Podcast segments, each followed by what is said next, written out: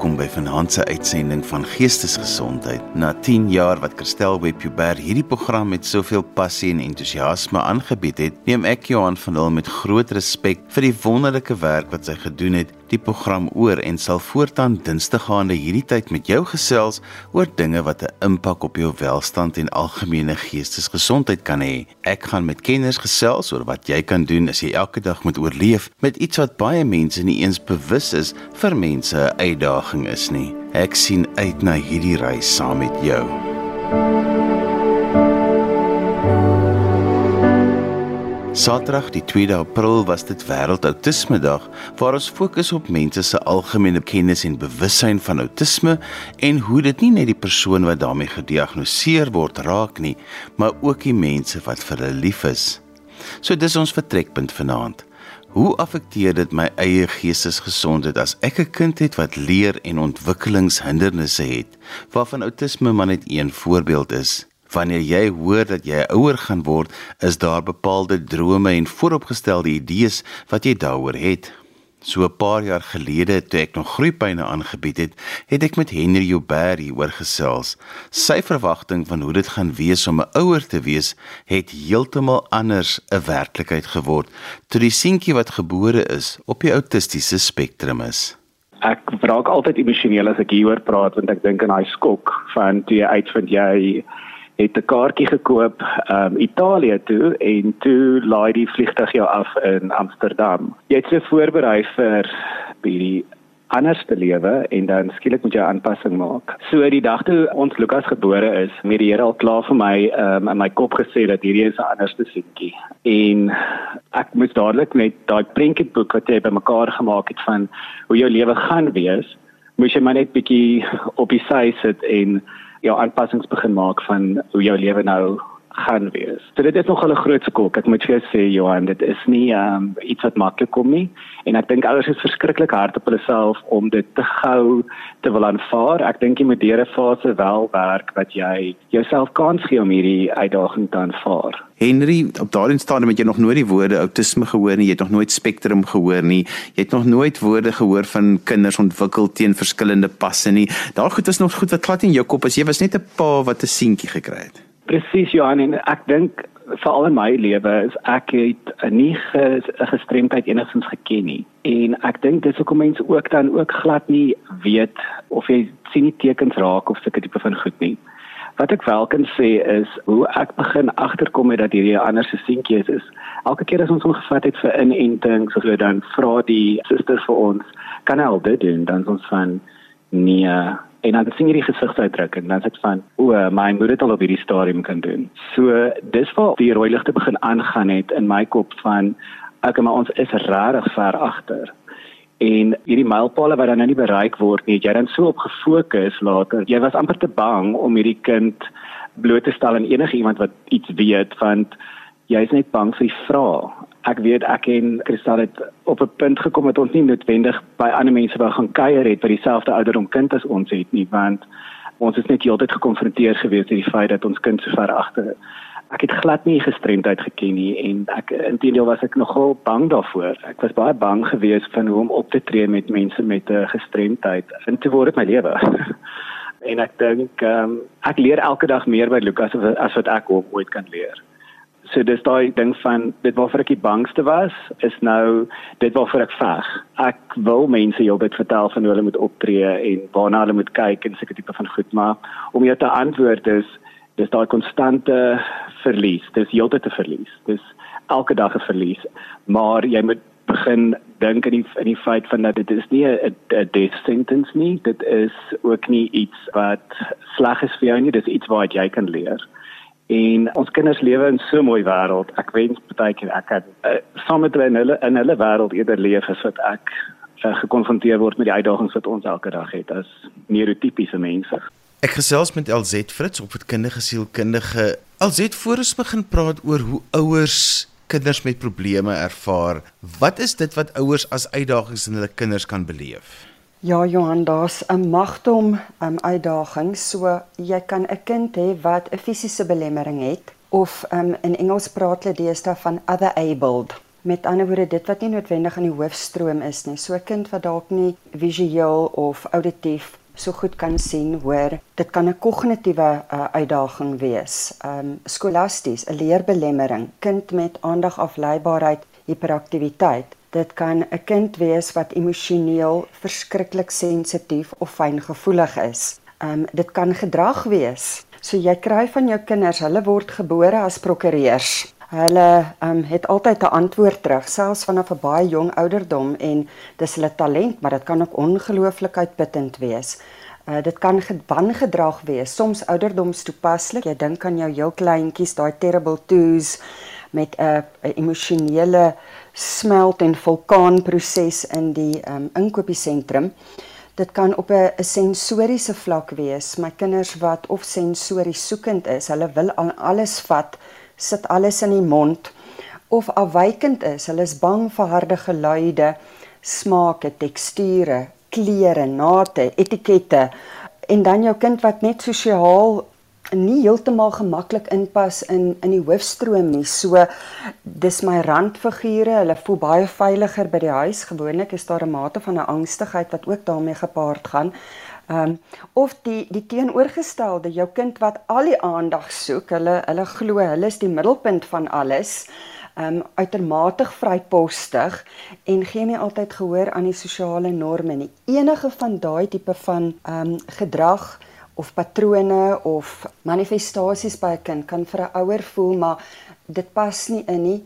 Ek met ander woorde as ouer kan dit nie goed hanteer nie ek is op die ou ende nie noodwendig 'n goeie ouer nie. Ja, want baie keer kry jy daai oproep van die skool wat altyd so net sê in plaas daarvan om baie keer nog half sensitief te sê jou kind is verskriklik stout. En ek meen ons gebruik nie meer daai termie maar dit is maar wat by jou uitkom. Johan, ek het 'n ding oor daai woord stout want ja, hy word nog baie gebruik. So as ek baie keer kinders by my kry, dan is dit een van die eerste goed wat hulle vir my sê, is hulle sê vir my ek is stout. Dan moet ek vir hulle sê nee, jou naam is Johan. Jou naam is LZ. Ehm um, dat ek hulle by die naam noem, maar dit is vir 'n ouer ongelooflik oorweldigend as hulle herhaaldelik die boodskap kry jou kind is onaanvaarbaar, jou kind pas nie in nie. Jou kind het alweer aangejaag of dit nou in die voorskool, in die laerskool, in die hoërskool, op universiteit of selfs as jou kind al getroud is en die eggenoot bel jou en sê jou kind het alweer aangejaag. Die oomblik wanneer 'n ouer 'n ouer word en jy 'n kind, loop jou hart buite jou liggaam. Want LZ, dis waaroor ons wil gesels, is daai hart wat buite jou liggaam loop daar's niks so erg as jy later begin bang raak vir jou telefoon en jy sien dis die skool se nommer wat flits alles jy in 'n vergadering. Daai angs wat jou beetpak want jy weet daar weer iets vandag gebeur. Dit is 'n alles oorweldigende angs daar Johan. Ek het 'n 19 jarige seun en ek weet wat het deur my kop gegaan elke keer as ek gesien het dis die hoof wat op my telefoon 'n boodskap gelaat het of dis die hoof aan die ander kant Dit voel letterlik asof um iemand 'n emmer warm kolle gevat het, gemeng met ys en dit hulle gooi dit oor jou kop. Want jy probeer jou uiterste bes. Meeste ouers is goeie ouers. Hulle probeer regtig hulle uiterste bes om goed te doen vir hulle kinders en goeie ouers te wees. En die harde realiteit is jou kinders is nie net die produk van jou as ouer nie daar's 'n genetiese invloed, daar is um omstandighede, daar's trauma waaraan hulle blootgestel word. Daar's hulle eie ek. Jy lewer um op die ou einde of of jou funksie op die ou einde is om vir jou kind te laat veilig voel. Maar ons neem nie altyd ag wat laat 'n ouer veilig voel. Um in die uitdagings wat saam met ouerskap gepaard gaan. LZ, nes jy sit ek ook baie keer met ouers wat voor my sit en Hulle kom, hulle is radeloos. Hulle kom sit by my en dan sê ek baie keer vir hulle maar kom ons sit gaan eers die kind eenkant toe. Kom ons praat oor julle. En dan in LZ en dan is daar so stilte en gewoonlik maak die pa net so 'n alfe met gebaar met sy lyf en die ma kyk af en ek kan baie keer sien die trane loop net want in hierdie hele proses waar 'n kind probleme by die skool het mense versorg nie die ouers nie Dis baie waar en ouers oor die algemeen juis omdat hulle goed wil doen vir hulle kinders, sal hulle Hulle sal baie meer geld en tyd spandeer aan hulle kinders as aan hulle self. So hulle vat hulle kinders vir al die nodige terapie, al die behandelinge, die buitemuurse aktiwiteite en hulle hulle deponeer nie altyd in hulle self nie. En daar's nie altyd die nodige ondersteuning vir 'n ouer om op die ouende optimaal te kan funksioneer met hulle eie emosies en gevoel van oorweldiging nie. LZ, van die groot ding is mos nou soos jy net ook gesê het, jy stap met jou hart buitekant jou lyf. Jy internaliseer, maak nie saak hoe jy daarna kyk nie.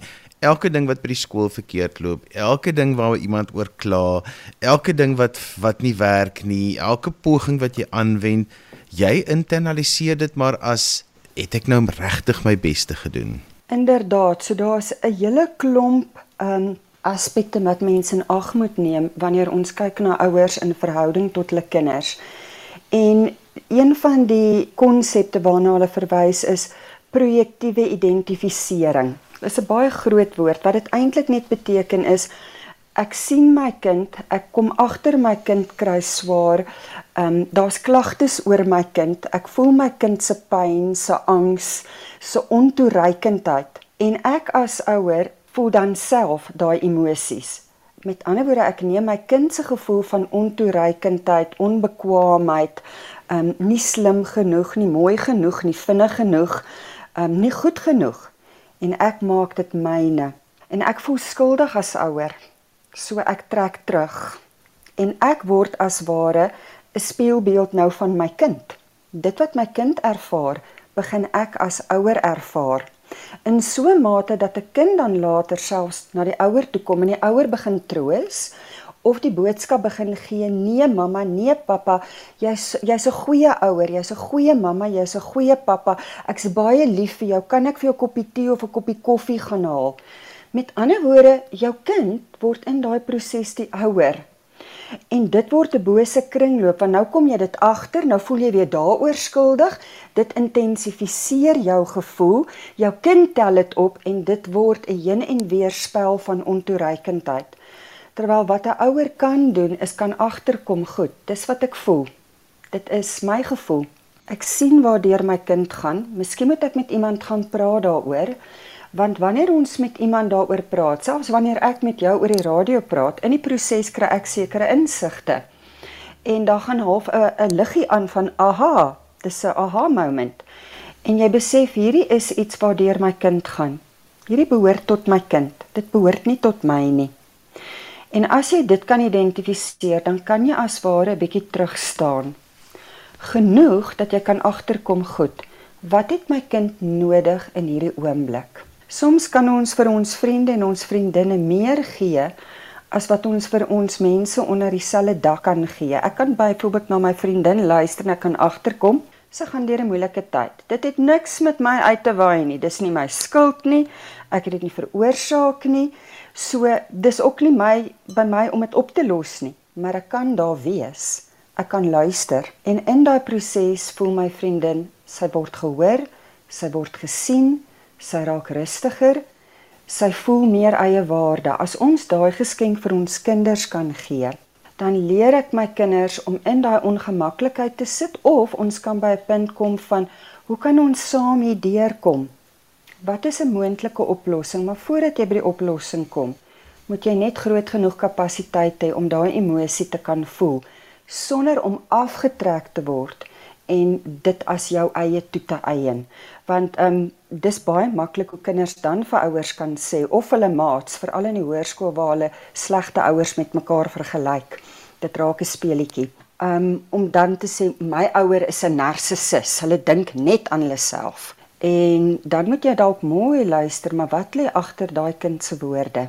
Dit gaan eintlik daaroor my ouer voel net hulle eie pyn sien my pyn ook as hulle pyn en besef nie ek is 'n individuele persoon op my eie LZ, daar's 'n woord wanneer dit kom, ek dink ek kom baie keer voor as 'n mens ou kinders grootmaak, maar jy as ouer moet baie keer met die woord moedeloos te doen kry want baie keer as jy regtig alles probeer het en jy weet later nie meer wat te kan doen dan tree daar 'n algemene moedeloosheid oor. Dit's amper om te sê jy begin half depressief voel, maar daar's 'n moedeloosheid wat jou dag begin beïnvloed en dit begin later ook 'n impak te hê op jou geestesgesondheid. Hoe hanteer 'n mens dit? Daai is ongelooflik belangrik want ons almal sit ook as volwassenes met ons eie storie en moontlike eie trauma storie. Groot trauma, trauma, klein trauma. Ons almal het al naks in die lewe gevat. En dit gaan lê op jou sentrale senuweestelsel. So dit vat nie veel vir jou liggaam om ge, geaktiveer te word nie. Um ons praat van triggers, maar ek het 'n baie mooi woord gehoor van ons praat eerder van glimmers, maar ek gaan later daaroor praat. So nou word jy wakker, jy is klaar geaktiveer. Dis nie noodwendig 'n keuse nie, dis nie eers 'n denkwyse nie. Jou liggaam voel net absoluut pap. In plaas van dat jy oormatige energie het, want dis hoe ons meestal reageer. Jou fight en jou flight reaksie is energie. Daai pap gevoel is ek het in freeze ingegaan en nou begin ek ek ek begin ehm um, half daai gevoel kry ek het ek het narkose ontvang daar so dowwe dol gevoel. En dit vat al die hoop en die reënboogkleure uit jou dag uit. En so gaan maak jy jou kind wakker vir die oggend en daar perpetueer jy weer die gevoel by jou kind van mamma is nie okay nie, pappa is nie okay nie, wat gaan ek daaromtrent doen? En ons verwag ongelooflik baie van ouers. En tog, ons almal weet, jou kind kom nie in die wêreld met 'n handboek nie. So as ek net na my motor kyk, ek wat ek is nie 'n motorpersoon nie. Ek het mense nodig om vir my te verduidelik soms waarom net 'n eenvoudige dingetjie te stel. Des te meer vir 'n kind. Ons doen baie meer navorsing en praat met baie meer mense voordat ons 'n kar of 'n huis koop as wat ons soms met ons eie kinders doen. So daar's kundiges. Al praat jy aanvanklik net met 'n vriendin of 'n vriend, gaan soek iemand, praat met die skool. Iewers is daar iemand wat wel bereid is om te luister vind die nodige persoon met kennis wat vir jou kan sê, weet jy wat, dit gaan eintlik nie oor jou kind wat 'n terrible kind is en jy wat 'n terrible ouer is nie. Ek sit met voorskoolse kleintjies wat ongelooflik geaktiveer is op hierdie stadium. So dis temper tantrum, meltdowns, hulle skil die dak van die van die skool af by die huis in die winkel, lelik met maatjies, spoeg, knyp, krap. En intussen tyd as ek mooi na daai kinders se stories gaan luister, dan kom ek agter goed. In die laaste 6 maande, miskien 'n jaar, miskien selfs van 2020 af met alles wat gebeur het, was hierdie kind se golwe baie groot. En hierdie kind het eintlik 'n trauma reaksie of daar's 'n angstigheid of dis 'n ander tipe belemmering. Identifiseer dit want as jy kan identifiseer wat hier aangaan, dan kom jy al nader aan wat moet ons hier omtrent doen. LZ jy verwys baie daarna dat 'n mens met 'n goeie vriendin of 'n vriend moet gaan gesels om perspektief te kry. Wat is die rol van daai goeie vriend of vriendin? Want baie keer wil jy eintlik net stoom afblaas en dan kry jy baie keer hierdie lang lys van raad en baie kom nog sover en dit begin vir jou nog boodskappe stuur van uh, skakels na webtuistes. Wat is daai rol van as iemand na my toe kom en met hulle hulle net wil 'n bietjie stoom afblaas oor hulle kinders? Ons almal weet 'n drukkoker, jy kan nie sy deksel dadelik afhaal nie en ons weet ook 'n drukkoker word baie warm. Hy het 'n kleppie sodat hy kan stoom afblaas. Dieselfde vir mense wat emosioneel oorspoel voel. Voel gee hulle met met ander woorde spasie. Dat hulle stoom afblaas. Gee hulle ietsie om te drink. Nie noodwendig om nog 'n alkoholbottel by die asblik te voeg aan die einde van die week nie. Ek gooi dit net daar uit want ek sit deesdae met baie ouers wat op alle allerlei maniere probeer koop. Met ander woorde luister wat iemand vir jou sê. Identifiseer, hulle voel magteloos. Sê vir hulle, ek kan hoor hierdie is vir jou baie moeilik. Weet jy, jy doen eintlik amazing. Wow. Wie het jou kind vanoggend skool toe gevat? Wie vat jou kind vir al hierdie aktiwiteite? Ons almal wil soms net hoor ek doen eintlik in hierdie omstandighede goed. Ek doen goed genoeg. Ek is nie so terrible ouer as wat ek dink nie. Moenie vir my sê ek is nie um nie 'n terrible ouer of ek is 'n goeie ouer nie. Hoor my net. Want in daai proses kan ek my sentrale senuweestelsel herstel homself so bietjie. En ek begin dalk self agterkom dat daar's ander goed waarin my kind dalk goed is. So as mens die gesprekke bietjie kan lei van Hoorie maar jy het my nou die dag vertel jou kind het deelgeneem aan die rugby wedstryd of ehm um, jy het vir my gesê jou kind gaan karate doen of gimnastiek. Hoe gaan dit in daai gebied? Met ander woorde as jy weet daar's iets waarin hierdie kind goed is. Kyk of jy die gesprek bietjie na die glimmers toe kan lei in plaas van net oor die triggers te praat. Want elke persoon kom ook in hierdie wêreld met 'n geskenkie. Maak nie saak hoe laag jou intelligensie is, maak nie saak wat se fisiese belemmeringe jy het, jy het ook 'n geskenk. En as ons dalk meer gaan fokus op die geskenke, dan gaan ouers dalk ook agterkom, maar ek kan hierop fokus in plaas van net op dit wat negatief is.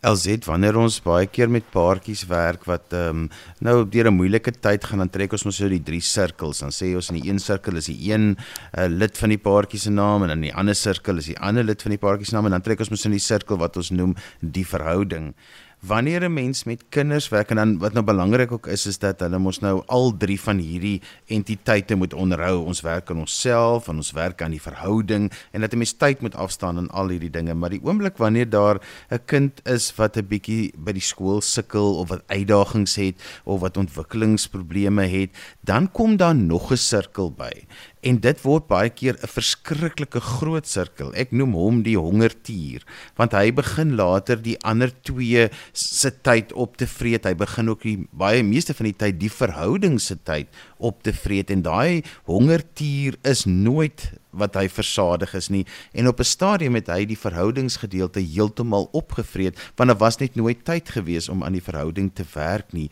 Dit is vir my baie keer een van die grootste stressors vir ouers wat kinders met probleme het is dat hulle verhouding daaronder lê. Johan, ja, dis die hartseer van um, enige tipe belemmering en daai gevoel van magteloosheid wat intree. Um ons ouers wat um goed um die probleme hanteer, hulle, hulle hanteer die storms van die lewe goed, is die ouers wat mekaar ondersteun Hulle het 'n ondersteuningsnetwerk. Daar's gewoonlik 'n familie wat hulle ondersteun.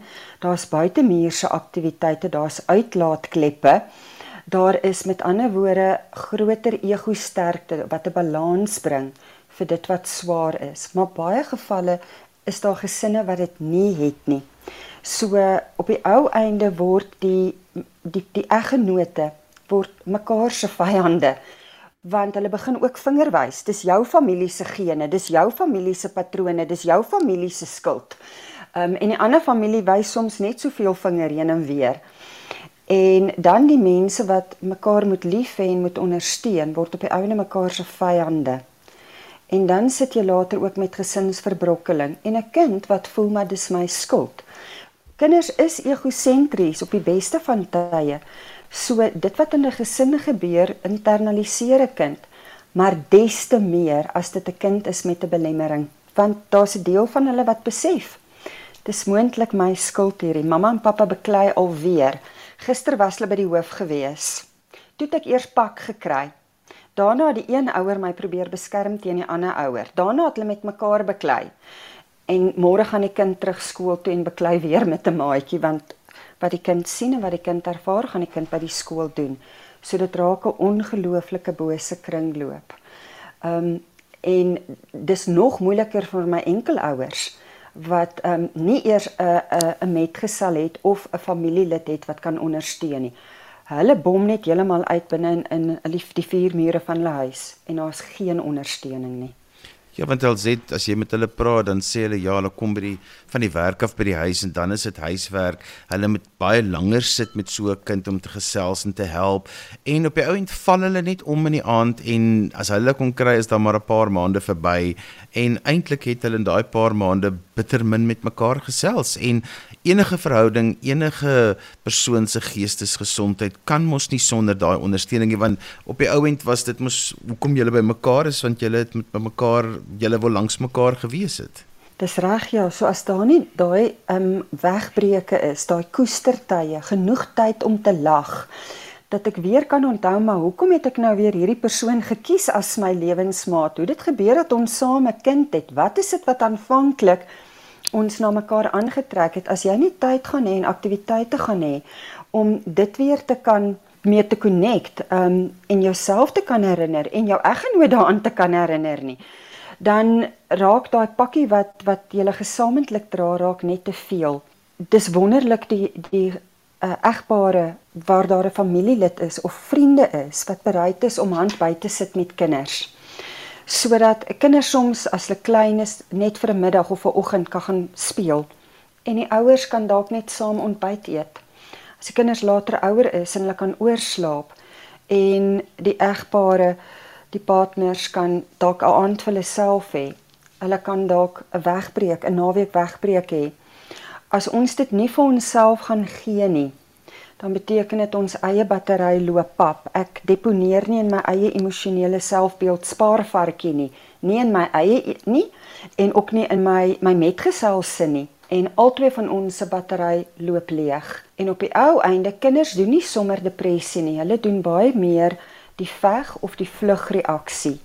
So in die proses wat die ouers se battery leegloop, begin die kind oorneem en hulle gedrag raak al hoe groter, meer uit beheer, want op 'n manier is daar dan aandag op die kind sodat die ouers eintlik as ware bietjie beter met mekaar oor die weg kan kom en dit raak 'n ongelooflik ongesonde kringloop. Ek het ouers wat op die ou einde so op die kinders uitbom want die kinders se gedrag raak so buite beheer in 'n poging om eintlik half die aandag weg te vat van huweliksprobleme en dan dan sit eintlik huweliksprobleme wat tot die kind se gedrag aanleiding gee.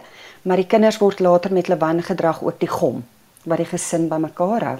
Sê ek wil terugkom na daai woord moedeloos. Baie keer is mense met ouers sit dan kom sit hulle met jou voor jou met amper 'n leer wat so dik is soos die Bybel van verslae en dinge. En dan kom sit hulle voor jou en dan sê hulle vir jou, ja, daar was soveel mense wat vir my gesê het wat is fout met die kind?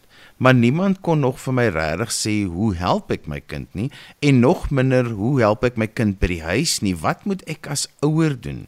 Want dit maak ouers en dis ook waar ouers dan baie keer vassit en wat op die ou en tot hulle verhoudings se ondergang lei of wat ook tot tot hulle eie wat tot 'n depressie by hulle baie keer kan lei is die feit dat hulle het nie die vaardighede oor hoe om met hierdie kind by die huis te werk nie want niemand leer hulle nie Ouers sal duisende rande spandeer op hulle kinders. So ek ek weet van daai ouers met daai dik lers. En enerzijds wil ek vir my my kollegas, almal van ons wat in die domein van kinderontwikkeling werk, vanaf die mediese dokters reg deur tot die arbeidsterapeute, fisioterapeute, spraakterapeute, sielkundiges, beraders, ons almal. Ons is baie goed om te assesseer en te sê wat is die fout. En ja, ons sê nie altyd wat gaan ons hier omtrent doen nie. En weer eens daai woordjie glimmers.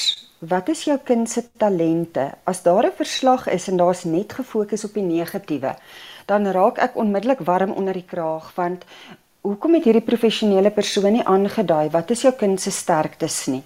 Waaraan kan ons baie meer aandag kan gee want as ons daar kan begin, kan ons die selfbeeld ver verbeter, die ouer voel beter, ons gebruik dit op die ou einde as 'n kruk vir dit waarmee die kind sukkel en almal voel net op die ou 'n bietjie beter. Kollegas van my en ek self was al in die verlede skuldig. Ons is ook nie altyd baie eerlik met um, ons ouers om vir hulle regtig te sê maar hoor hier, dit is wat jy gaan kan verwag van jou kind. Nie noodwendig in terme van 'n plafon nie. Maar jou kind gaan nie noodwendig 'n wiskundige word nie. Jou kind se talent lê in die kunste. Kom ons fokus meer daarop. Ehm um, so dalk daar moet 'n mate van eerlikheid wees sonder om die plafon te lê want ek het daaroor ook 'n probleem. Ek het al mense gehad wat vir my kom sê, daar's vir my gesê my kind gaan nooit in die skool kan presteer nie. En dan was die kind maar nog in die laer of in die kleuterskool gewees. So ons wil daarop fokus en dan ehm um, moet jy ook eerlik met mense wees om vir hulle te kan sê hierdie gaan 'n lang pad wees. Jy gaan nie net ehm um, 2 maande by die arbeidsterapeut deurbring nie. Jy gaan miskien aanvanklik 6 maande en dan moontlik soos jou kind ontwikkel en deur groeifases gaan, elke nou en dan weer 'n draai moet maak. Met ander woorde, jy gaan daar gaan tye wees wanneer jy ondersteuning gaan nodig hê. Dat ons vir ouers daai boodskap kan gee, hierdie is nie 'n once fix it nie. Ons leef in 'n samelewing waar ek het hoofpyn, ek vat 'n pilletjie. Um een van die sangers sing 'n liedjie en ek kan nie nou dadelik kom op watter een nie, maar dis die Groen Mamba liedjie. waar jy jy vat letterlik net 'n pilletjie en 'n stroopie hier en daar en dan's alles reg want dis die samelewing waarin ons leef. En ehm um, ongelukkig met kinderontwikkeling, groot trauma, ernstige belemmeringe, disleksia, ADHD, dis 'n lang pad. En jy daardie ondersteuning nodig. Ehm uh, wat ek ook met ouers doen is ek doen 'n baie deeglike onderhoud. So ek kyk baie mooi wat gebeur in die familie, wat gaan in die huwelikssituasie aan, wat is elkeen se individuele storie, wat is die kind se storie en wat het die laaste paar maande gebeur? Want daar's baie keer iewers was daar dalk 'n trigger gewees wat iemand nie geïdentifiseer het nie. En as ons dit weet, kan ons vir die ouers leiding gee, ons kan ook vir die skool leiding gee dat ons die besmoontlike ondersteuning kan gee vir al die betrokke partye. En dan die laaste ding, dis soms baie moeilik vir 'n ouer om te hoor. My kind het 'n belemmering. So dan gaan hulle van een dokter na die volgende een en na die volgende een om eintlik die die boodskap te kry daar's niks fout nie. En dan dit wat hulle eintlik in die gesig staar is moeilik om te aanvaar. Want miskien is dit dalk te naby aan hulle self. So as ek baie keer na mense se stories luister en ek vra maar wie anders in die familie het soortgelyke patrone gehad. En dan moet ek hoor, ja, hierdie ene het ook aandag afleibaarheid gehad. Daai een het gesukkel op skool. Daai ene was ook altyd in die moeilikheid gewees. Hierdie een was is ook 'n bekleier en hardkoppig. Dan begin jy agterkom goed. Dis waar die patrone lê. As jy ouers kan leer om dan sagter met hulle self te wees in daai storie dan maak jy groter ruimte om ook dan 'n bietjie meer aanvaardend te wees teenoor dit wat die kind openbaar. Elzette, 'n ander woord wat ook baie keer opkom in gesprekke met ouers wat deur hierdie ding gaan, is daai skuldgevoel. Daai skuldgevoel voordat hulle geweet het wat is verkeerd. Hulle het gedog die kind is maar net stout. En dan het hulle nou allerlei dinge gedoen om die kind nou te dissiplineer of om die kind nou net so te kry dat hulle daarom daarbey kan weet met die kind kan werk. So daai skuldgevoel van wat ek gedoen het uit onkunde of nie geweet het nie, ouers loop baie lank daarmee en dit het ook 'n negatiewe um, effek op hulle dae. Daai skuldgevoel is 'n groot ene want dit spreek tot ek is ontoereikend, ek is nie goed genoeg nie. En saam met dit gaan baie keer daai een van skaamte, um shame I'm bad. En as jy alreeds daai storie in jou eie lewensverhaal het en jy dan 'n kind met 'n belemmering en jy dit nie geïdentifiseer nie want jy het juis vir jouself beloof jy gaan nie dit doen wat jou ouers aan jou gedoen het nie. Jy gaan 'n beter ouer wees. En nou kom jy agter o gits hier hier het ek dalk nou ook aangejaag of ek het iets gemis. En net soos wat ek wil hê my kind op die ou einde moet sag en vergewensgesind wees teenoor hulle eie tekortkominge hulle eie foute en mense wat um uh, na hulle eie geloofs-oortuiging gaan kyk waar daar ook sê daar's vergifnis.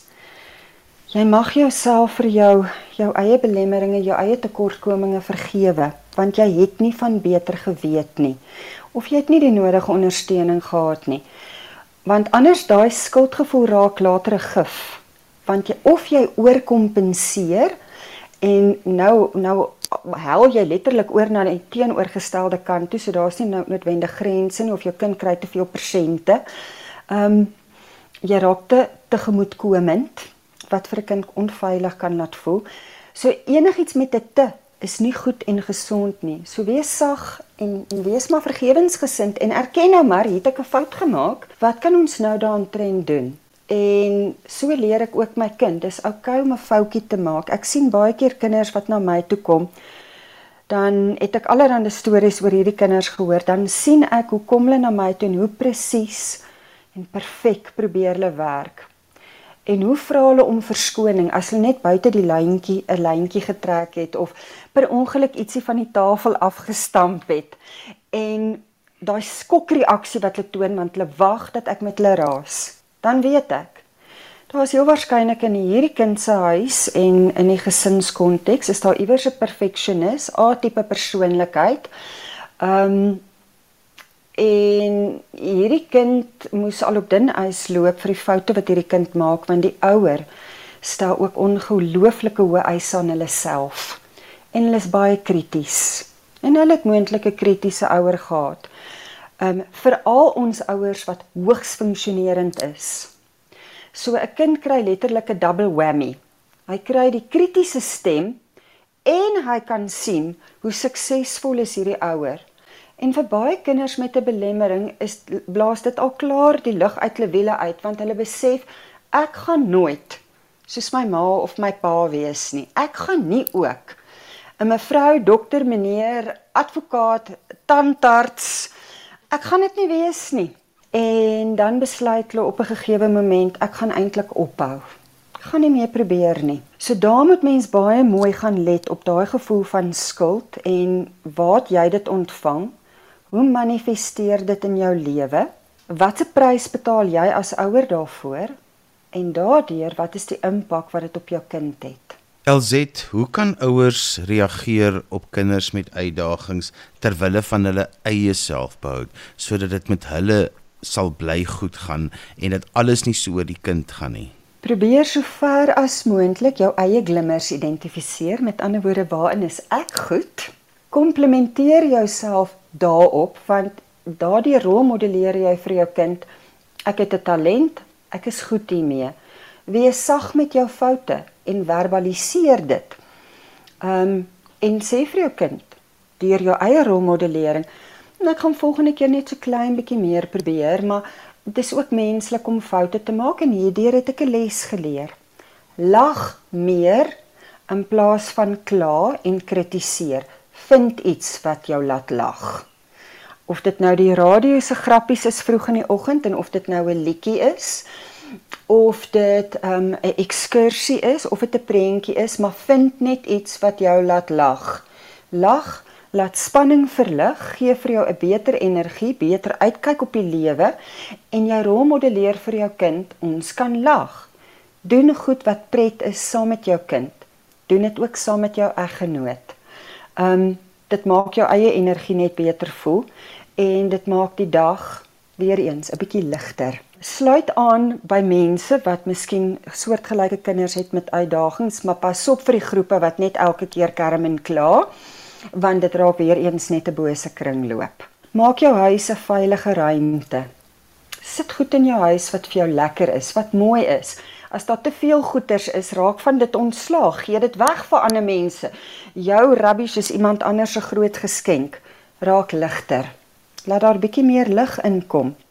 En weer eens, en ek beklemtoon dit, koester wat vir jou positief is in jou kind. Jou kind is nie net negatief, 'n mislukking en net probleme nie.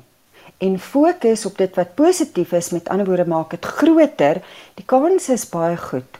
Jou kind gaan baie meer daarvan manifesteer. Elzetten is belangrik dat 'n mens nie net moet fokus op die hulp vir die kind nie, ouers moet ook hulp kry want baie keer as jy hierdie nuus kry of jy kry die skoolgereedheidstoets en dit is nou nie wat 'n mens gedink het nie want jy het mos drome en groot drome vir jou kind is en dit kan trauma by jou veroorsaak. Dis reg ja, so daar's hulp vir ehm um, volwassenes. Net soos wat jou kind kan baat by die sielkundige, die beraader, die arbeidsterapeut, die fisioterapeut. Daar's 'n magte om hulp vir ouers beskikbaar vanaf jou jou meer sagte ondersteuning. So as jy iemand is wat hou van stap, skakel in by by 'n stapgroep. In die proses raak jy bietjie ligter. Hoe swaarder jou eie emosies raak, hoe groter is die hulp wat jy dalk nodig het. Sien jy dalk nodig om te gaan aanklop by 'n sielkundige wat 'n ruimte het vir jou wat nie um, dadelik gaan spring na hulle eie storie en hulle probleme is groter as joune want dis wat baie keer ook gebeur as ons met ons familie of ons vriende praat. Skielik spring hulle na hulle eie storie of daai baie 20 riglyne van advies wat hulle vir jou gee. Die sielkundige se ruimte is daar om vir jou veiligheid te skep sodat jy eintlik maar jou emosies daar kan kan vrylaat en ehm um, hulle maak vir jou openinge oop dat jy op die ouene tot by jou eie insig ook kan kom met soms bietjie ehm um, ons praat van sielkundige psychoeducation, sielkundige opvoeding dat jy weet maar hoekom gebeur hierdie goed? En ja, dalk was daar net ietsie klein wat ons moes aangespreek het om dinge makliker te maak vir die kind en ook vir jou as ouer. Ehm um, Ek sê baie keer vir mense wat sê maar my man sal nooit 'n sielkundige sien nie, dan sê ek maar sal jou man bereid wees om na die dokter toe te gaan. Miskien net om bietjie met die dokter te gaan gesels sal dalk al help. In die ou dae het die dominee huisbesoek gedoen. Ek weet nie of dit vandag nog meer gebeur nie, maar gaan praat met 'n ander persoon wat dalk in 'n meer professionele hoedanigheid is. Ek het ouers wat soms ongelooflik waarde daar uitvind net om by die hoof te gaan sit as hulle 'n goeie verhouding met die skoolhoof het of 'n onderwyser met hulle wie hulle 'n goeie verhouding het want miskien bied daai persoon vir jou 'n bietjie 'n ander insig in jou kind of in jou eie optrede. Um, die die persoon wat jou kind afrig, sien 'n ander beeld van jou kind. Die die kern is praat net met iemand en as jy nie 'n familielid het wat kind and caring is en jy het nie 'n vriend of 'n vriendin wat op 'n goeie manier jou gaan probeer ondersteun en bystaan en kapasiteit het vir jou nie. Daar is ander mense. Um, ek het mense wat vir 'n uh, fisioterapie gaan of 'n biokinetikus sien. En baie keer kom groot emosies uit as jy daar by hulle is. Haarkappers. Ek sê baie keer haarkappers is eintlik sielkundiges in 'n um, uh, disguise. Hulle hoor al die stories Ek sal nie noodwendig aanbeveel dat jy van die kroegman se dienste gebruik maak nie, alhoewel ek dink hulle baie goeie advies het want hulle hoor ook al die stories. Maar um, ons sit op hierdie stadium met krikke wat nie noodwendig gesonde krikke is nie en alkoholmisbruik is nie noodwendig 'n goeie ene nie. Els, ek wil afsluit met met 'n uh, vraag van As dit die eerste keer in ons familie gebeur. Ons familie is nie gewoond dat daar kinders en hom is wat leeruitvalle het of wat leergeremdhede het of wat uh, anders te ontwikkel nie dan is dit nogal moeilik om vir mense te verduidelik wat gaan hier aan. Hoe hanteer 'n mens dit? Verduidelik ek vir mense, moet ek oop wees? Veral baie keer kom 'n kind by 'n partytjie en dan sê die tannie, "Maar kom speel nou saam met die ander kindertjies." Maar my kind is is 'n hoogs funksionele autistiese kind. Hy het geen behoefte om met die ander kinders te speel nie en hy geniet dit eintlik om die hele storie te bekyk en dan is dit eintlik vir hom 'n baie lekker partytjie as daar geen druk op hom geplaas word nie. Johan, Families is interessante goed. Jy kry families wat mekaar se ondersteuningsbron is en dan kry jy families wat mekaar letterlik aftrek en kritiseer. Ehm um, so dis baie belangrik dat ouers daai mense gaan identifiseer waar hulle eintlik veilig voel. 'n Vriendin, 'n ander ouer uh, met kinders in die skool En jy skep aanvanklik genoeg ruimte om te kan kyk maar hoe gaan my kind reageer en moenie verskonings vir jou kind maak. Ehm um, en jy hoef nie altyd lang verduidelikings ook vir iemand te gee nie. Ehm um, moet ook nie noodwendig net altyd wegskram nie want jy's reg, dit mag dalk vir daai kind 'n baie goeie ervaring wees. En ek sê altyd jy gee vir jou kind geleentheid, jy kyk hoe reageer hulle. As jy agterkom met raak oorweldigend of hier is jou kind of ander nou in gevaar, dan beteken dit dis nou tyd om huis toe te gaan. En jy hoef nie vir ander altyd 'n um, rede te gee nie. Jy kan net vir hulle sê dit was baie lekker, baie dankie, maar ons moet nou gaan. Dis voldoende. Ek dink soms hulle ons te veel verduidelik, te veel inligting. Um, daar's die die die verkorting TMI, too much information hoef nie verander altyd te verantwoord nie. LZ as mense met jou wil kontak maak en verder wil gesels, hoe kan hulle dit doen? Hulle kan vir my 'n e-pos stuur e l z e t t e f r i t z 1@gmail.com En daarmee het ons gekom aan die einde van vanaand se geestesgesondheid. Onthou jy kan weer na vanaand se program luister as 'n potgooi. Laai dit af by resgep.co.za. Skryf gerus vir my 'n e e-pos by Johanvanlull@gmail.com en onthou daai Johan het net een N. En daarmee groet ek dan vir vanaand. Kyk mooi na jouself. Tot volgende keer van my Johan van Lill. Totsiens. thank you